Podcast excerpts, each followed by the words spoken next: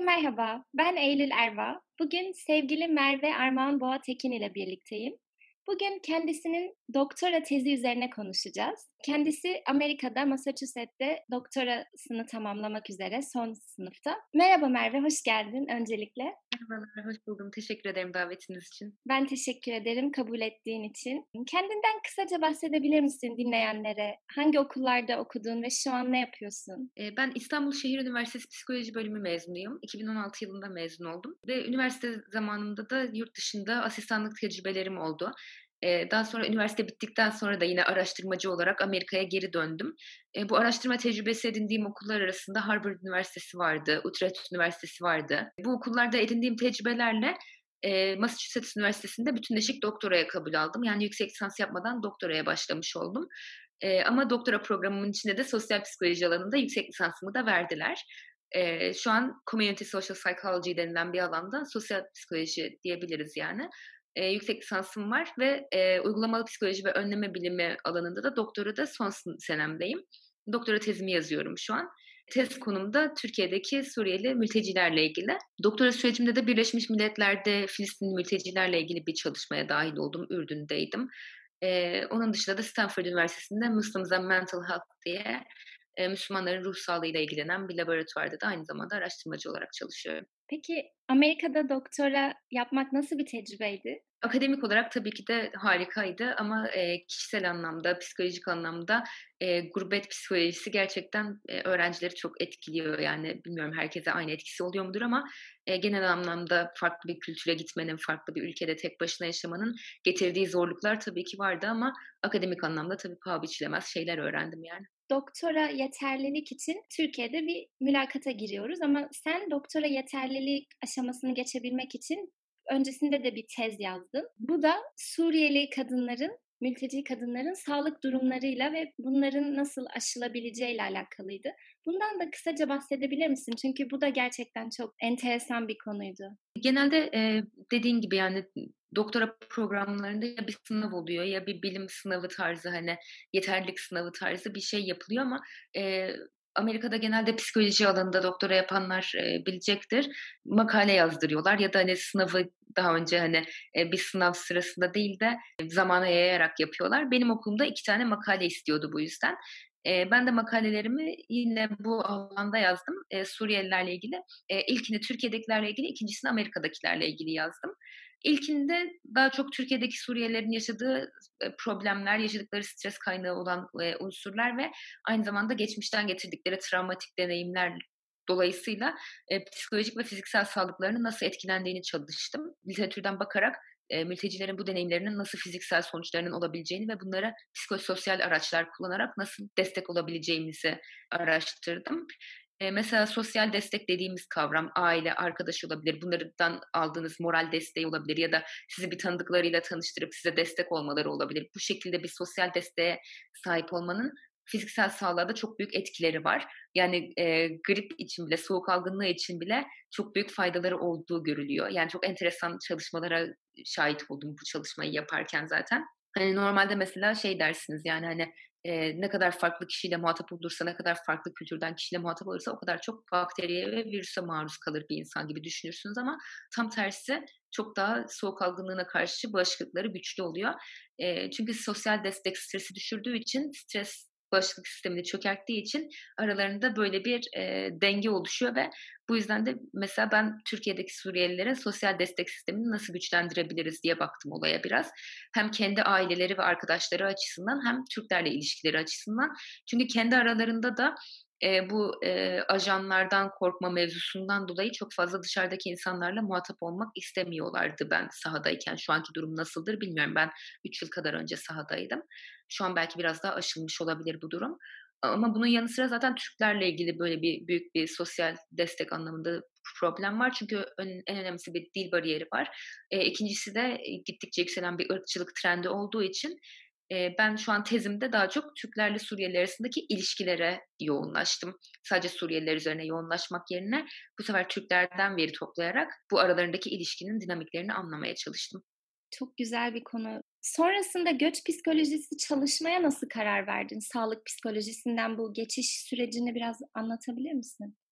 Yani, aslında yine çalıştığım konu sağlık psikolojisinin içinde kalıyor. Çünkü yine sağlık çalışıyorum. Yine fiziksel ve psikolojik olarak sağlıklarını çalışıyorum ama bunu mülteciler üzerinden çalışmış oluyorum. Yani, aslında çok da uzaklaşmış olmadım konumdan ama, eee, benim mültecilere neden eğildiğimi soruyorsan eğer, Amerika'ya gittiğimde, yani, eee, dil puanı gayet yüksek biri olarak, eee, kendimi doktorda ifade edemediğimi fark ettim doktora gittiğimde. Yani, bir burun akmasını biz TOEFL çalışırken öğrenemiyoruz. Hani dil puanı alırken öğrenemiyoruz ve ben kendimi ifade edemediğimi fark ettim doktorda.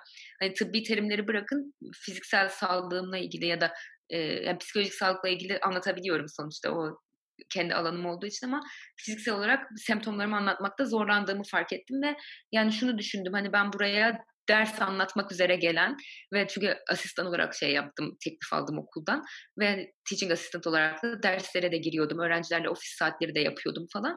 Yani ben bu haldeyken kendimi ifade edemiyorsam bir anda savaştan kaçıp bir kelime Türkçe bilmeden bu ülkeye gelen insanlar ne yaptılar acaba? Bir de bu kadar ayrımcılığında olabileceği bir ortamda diye düşündüm ve bu yüzden bu konuya e, eğilmeye karar verdim. Peki Suriyeliler ve Türkler arasında yaşanan bu çatışmayla alakalı çalışmaya nasıl karar verdin? Yani genelde göçmen çalışmalarında göçmenlerin perspektifinden bakıldığını görüyoruz. Ben gerçekten ilk defa seninle böyle bir çalışma duydum. Hani Türkleri de içine katan ve aslında galiba daha çok görüşme yaptığın insanlar da Türkler oldu bildiğim kadarıyla. Şimdi biraz tezinin hipoteziyle birlikte neden bu konuyu seçtiğini konuşalım istersen. Yani söylediğin gibi bütün katılımcılarım Türktü. Çünkü ben de aslında işte ilk yeterlilik makalelerimde Suriyeliler üzerinden düşünüyordum. Ama e, şu an zaten haberlerde de görüyoruz gittikçe artan bir fobi var. Farklılıklara biraz kapalı bir hale gelmeye başladık ve mültecileri dışlayan e, bazı söylemler oluyor. E, bu söylemlerin de toplumdaki yeri takdir edersiniz ki çok büyük. Yani bir söyleniyorsa on şeklinde topluma yayılıyor ve bu Amerika'da da görüyoruz. Yani Trump'ın söylediği bir şey dalga dalga bütün topluma yayıldığında bu sefer çok büyük ırkçılık ve ayrımcılık problemlerine sebep olabiliyor ya da e, zaten içinde bunları taşıyan insanların bunları dıştan ifade edebilmeleri için cesaret bulabilmelerine sebep oluyor. Ben de o yüzden çalıştığım konu içinde de yine onların yaşadığı stres olduğu için ve bu gruplar arası çatışma onların stresinin büyük bir kaynağı olduğu için e, bunu biraz incelemeye karar verdim ama e, direkt evet böyle bir gruplar arası çatışma vardır demiyorum şu an. Çünkü veriyi zaten bunun için topladım. Nitel bir çalışma yaptım. Türklere Suriyelilerle olan pozitif negatif anılarını sordum ve aynı zamanda bir dönüş noktası varsa, bir turning pointleri varsa e, bunu sordum. Yani eğer görüşleri onlarla ilgili pozitiften negatife ya da negatiften pozitife döndüyse bu hangi olayla gerçekleşti?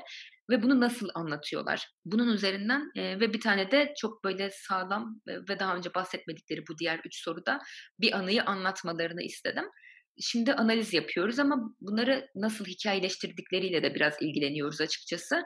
E, bundan iki farklı makale çıkacak. Bir tanesi e, daha çok hani bireysel mi toplumsal mı bakılıyor olaya bunun üzerinden gidiyorum. Diğerinde de anlatılan olaylar daha çok kişisel yaşantılarla ilgili, kişisel gözlemlerle mi ilgili yoksa medyadan, sosyal medyadan ya da çevreden duyulan olaylarla mı ilgili diye e, bu şekilde çalışıyorum şu an. Ama biraz böyle e, aslında keşif amaçlı yaptığım bir çalışma olduğu için bir çatışma var gruplar arası ve biz de bununla ilgili şöyle bir hipotezimiz var demiyorum. Biraz keşifsel gidiyorum yani.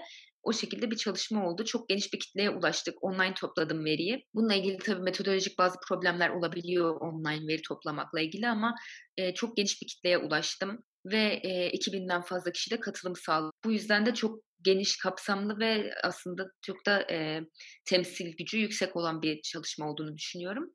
Tabii bizim bu bütün bu veriyi nitel olarak nitel çalışma yapanlar varsa dinleyiciler arasında bilirler. 2000'den fazla kişinin cevaplarını nitel olarak analiz etmemiz çok zor olacağı için biz her 9 soruya birden cevap veren, bunun içinde demografik sorularımız da vardı. İşte hangi şehirde yaşıyorlar, kaç yaşındalar, cinsiyet gibi. Bunlara tamamına cevap vermeyen kişileri çalışmamızdan çıkararak analize başladık. E, bu şekilde bir süreç yani. 2000 kişi gerçekten çok fazla yani ve dediğin gibi nitel bir çalışma için eminim çok çok sağlıklı bir tez olmasına da vesile olmuştur yani. Emeğine sağlık. Çok teşekkürler. Peki yani şimdi biraz senin bulgularına geçmek istiyorum. Sahada nasıl bir durumla karşılaştın? Yani ilk önce ne bekliyordun? Hani sen de Müslüman bir kadın olarak ve bilinçli bir Türk vatandaşı olarak hepimiz ortalama düşünüyoruz ki Şimdi Suriyeliler tabii ki bizim kardeşimiz. Tabii ki hani onlara yardım edeceğiz. Özellikle bu batıdaki göçmenlere bakış açısıyla bizim onlara bakış açımız arasında çok ciddi bir fark var. Çünkü bizi bağlayan bir din unsuru var bir kere arada. Bu sebeple senin öncelikle beklentin neydi Türklerden? Yani zaten tabii ki ya herkes hiçbir şekilde bir sorun yaşamıyordur. Hepsinin pozitif algısı vardır gibi mi düşünüyordun yoksa tam tersi mi düşünüyordun ve nasıl bir sonuçla karşılaştın? Yani ben 4 yıl önce girdim doktoraya ve ilk başta ben de öyle düşünüyordum. Zaten işte Suriye meselesi de bu kadar şey değildi daha. 5-6. yıllarında biraz ben de böyle düşünüyordum ama e, zaman içinde hem literatür taradıkça hem sahaya indikçe hem de bu verilerimi okudukça e, şunu fark ediyorum. Sosyoekonomik düzey yükseldikçe evet muhafazakar kesimde bu bir unsur olabiliyor.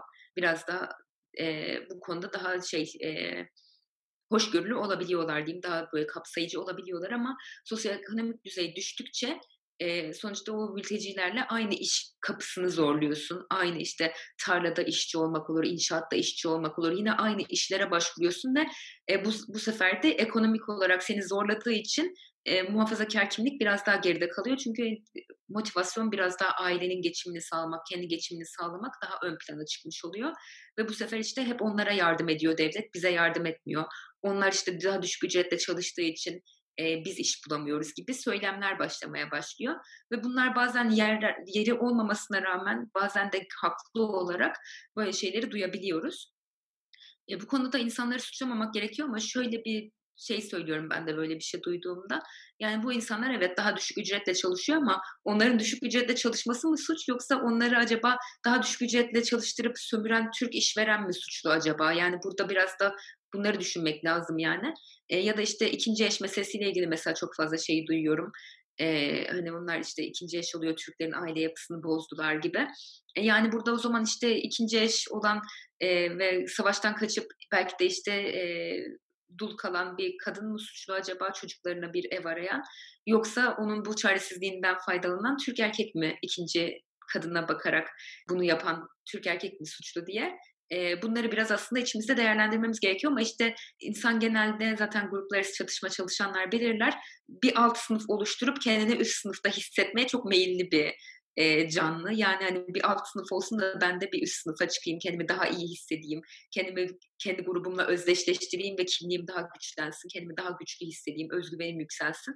Bunları tabii bu şekilde söylemiyoruz. Bu bizim otomatik olarak beynimizin çalışma yöntemi olduğu için kendi grubumuza daha iyi görme. Çünkü grubunu iyi gördüğünde sen de o grubun parçası olarak daha iyi oluyorsun. E, bu şekilde motivasyonlarımız var. Sosyal psikolojiyle ilgilenenler varsa aramızda zaten bunları okumuşlardır. E, o yüzden de bunlar çok garip e, tepkiler değil aslında ama işte e, bunları bilen uzmanlar olarak da bizim sahaya yönelik bilinçlendirme çalışmaları yapmamız gerekiyor ya da bu konuyla ilgili yanlış algıları nasıl yönetebileceğimizi çalışmamız gerekiyor. Ve bununla ilgili siyasetçilerin de e, siyaset yapıcıların da bu konuyla ilgili çalışıp belki de uzmanlarla işbirliği yaparak bu algıları e, yönetebilmeleri gerekiyor. Çünkü e, bazen yanlış bilgilerden dolayı yani işte Suriyeliler vergi ödemiyor, Suriyeliler sınavsız üniversiteye giriyor. Hepimiz duymuşuzdur bunları.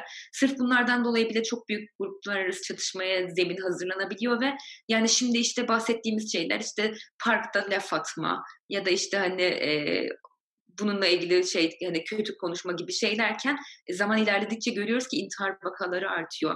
Bazen şeyler cinayetler duyuyoruz. Sakarya'da duyduk işte ne gibi. Bununla ilgili bazen gerçekten insan hayatına kasteden durumlar da oluşabiliyor. E, ve bu zaman gittikçe kökleşirse eğer daha da kötü duruma gideceği için bir an önce müdahale edilmesi gerekiyor. E, benim de zaten bas, başta bahsettiğim gibi programım uygulamalı psikoloji ve önleme bilimi olduğu için bunları olmadan önleyebilmek adına çalışıyorum. O yüzden önden işte bir keşif yapmak istedim. Bu gruplar arası çatışma var mı gerçekten ve oluyorsa neden oluyor? Bunun dinamikleri neler? Biraz bunu anlamak istedim. Ben de hep bu konularda düşündüğüm zaman o dediğin ekonomik ve sosyal durum ayrımını hep zihnimde yapmışımdır. Hani gözlemlerim bana da hep şunu söylüyor. Gerçekten de üst seviyede ekonomik, sosyoekonomik olarak üst seviyede olan bir insan bu çatışmayı doğrudan yaşamıyor gibi. Çünkü paylaştığı bir pasta yok ama alt ekonomik kesimde insanlar bunu biraz daha fazla hissediyor. Çünkü senin rakibin gibi yani bu kişinin Türk ya da Müslüman olması ya da Suriyeli olmasının hiçbir önemi yok. Bu anlamda devlete gerçekten çok büyük bir yük düşüyor. Çünkü regülasyon yapmak, denetim yapmak, özellikle işverenleri hani kaçak işçi çalıştırıyor mu, askeri ücretin altında çalıştırıyor mu? Bunlar çok çok önem arz ediyor. O kadar o, o ölçüde de çatışma azalacak diye düşünüyorum. Çünkü motivasyon olarak bir eksiğimiz var mı Merve? Yani sen bunu görüyor musun? Eğer sağlık sistemi, sosyal yardımlar, devlet bu dediğimiz kontrolleri sıkı bir şekilde yapmış olsa sence ciddi bunun ötesinde duygusal bir çatışma var mı aramızda? Yani ilk baştaki oluşan tabloya baktığımızda aslında baştan böyle kökleşmiş, onlarla ilgili farklı bir bakış açısı olmadığını görüyoruz. Çünkü hani ben e, topladığım veride de e, çokça karşılaştım bununla ilgili. İlk başta mesela çok olumlu düşünüyorum. O yüzden aslında işte o dönüş noktasını sordum özellikle. Yani olumludan olumsuza ya da olumsuzdan olumluya diye. E, yani e, o dönüş dönüşüm neden oluyor? Yani çok fazla kişide yaşanıyor bu çünkü neden olmuş diye bunu merak ettim.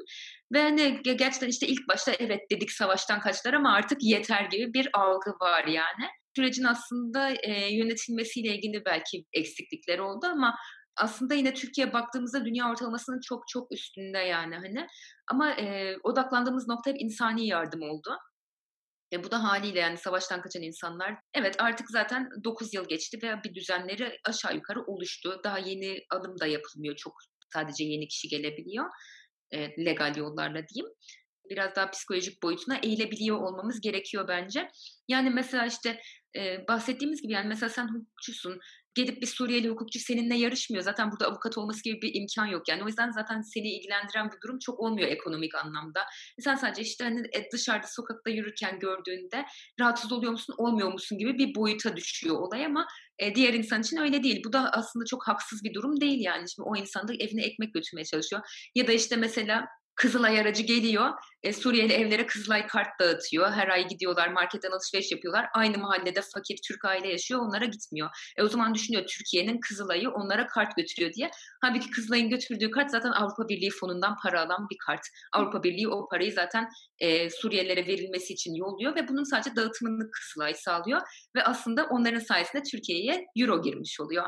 Ama işte o insan onu o şekilde algılamıyor. Kızılay geliyor onlara para veriyor bize vermiyor. Halbuki bu çok basit bir bilgiyi bu insanlara versem belki bu kadar bilenmeyecekler gibi. Evet burada bilginin paylaşılması hani doğru bir şekilde topluma aktarılmasının da önemi ortaya çıkıyor gerçekten. Sanırım evet. Türkiye bunu başlarda çok yapamadı. Son yıllarda ben e, Suriyelilerle ilgili yanlış bilinen gerçekler diye böyle internette hani afişler ya da listeler görüyorum ama sanki e, önceden bu derece yoktu. Belki de böyle boyutlara ulaşacağını, hani sıkıntılar yaratabileceğini çok öngöremedik. Öyle de olabilir. Ya bir yandan da her şeyi de devletten beklememek lazım. Aslında devlet gerçekten çok büyük efor sarf etti bu süreçte. Yani hani ben bunu e, taraf tutarak demiyorum ama işte hem Ürdün'de hem Amerika'da yani mültecilerle ilgili çalışma fırsatı buldum. Ve gerçekten işte hani mesela Birleşmiş Milletler'de çalışan bir arkadaşım oldu. Orada e, Suriye meselesiyle ilgili sözcüydü. Ee, onunla görüştüğümde de yani o da Türkiye'nin bu konuda gerçekten bir parlayan yıldız olduğunu. Yani mesela işte şey diyor biz UNHCR'dır Birleşmiş Milletler'in mültecilerle ilgilenen ajansı. UNHCR olarak diyor e, bütün ülkeler bize gelin hani para verin burada gelin kamp kurun diye şey yaparken diyor Türkiye siz karışmayın biz işimizi kendimiz halledeceğiz deyip bizi sadece lojistik işlerle ilgili işte kayıtlarıyla ilgili falan hani şey yapıyor diyor yani ve Türkiye bütün kamplarını kendi kuruyor bütün organizasyonunu kendisi yapıyor işte Kızılay'ıyla toplumsal olarak toplum merkezleriyle falan destekliyor vesaire derken e, süreci gerçekten bence çok başarılı yürüttüler. Yani lojistik anlamda diyeyim ben hani. E, ama işte artık biraz daha psikolojik ve sosyolojik boyutunda olayın konuşabiliyor olmamız gerekiyor. Bu konularda da e, her şeyi de devletten beklememek gerekiyor. Yani akademisyen olarak biz, STK'lar, hani artık STK'larında sadece insani yardım değil, e, bu insanların topluma kaynaştırılmasıyla ilgili mesela çalışmalar yapması gerekiyor. Bu dediğin nokta gerçekten çok önemli çünkü şu da var dediğin gibi savaş artık başlayalı 10 yıl oldu. Hatta şu an Suriye'nin birçok yerinde bir çatışma yok. Hani savaş bitti aslında ama tabii yıkımları ve etkileri devam ediyor.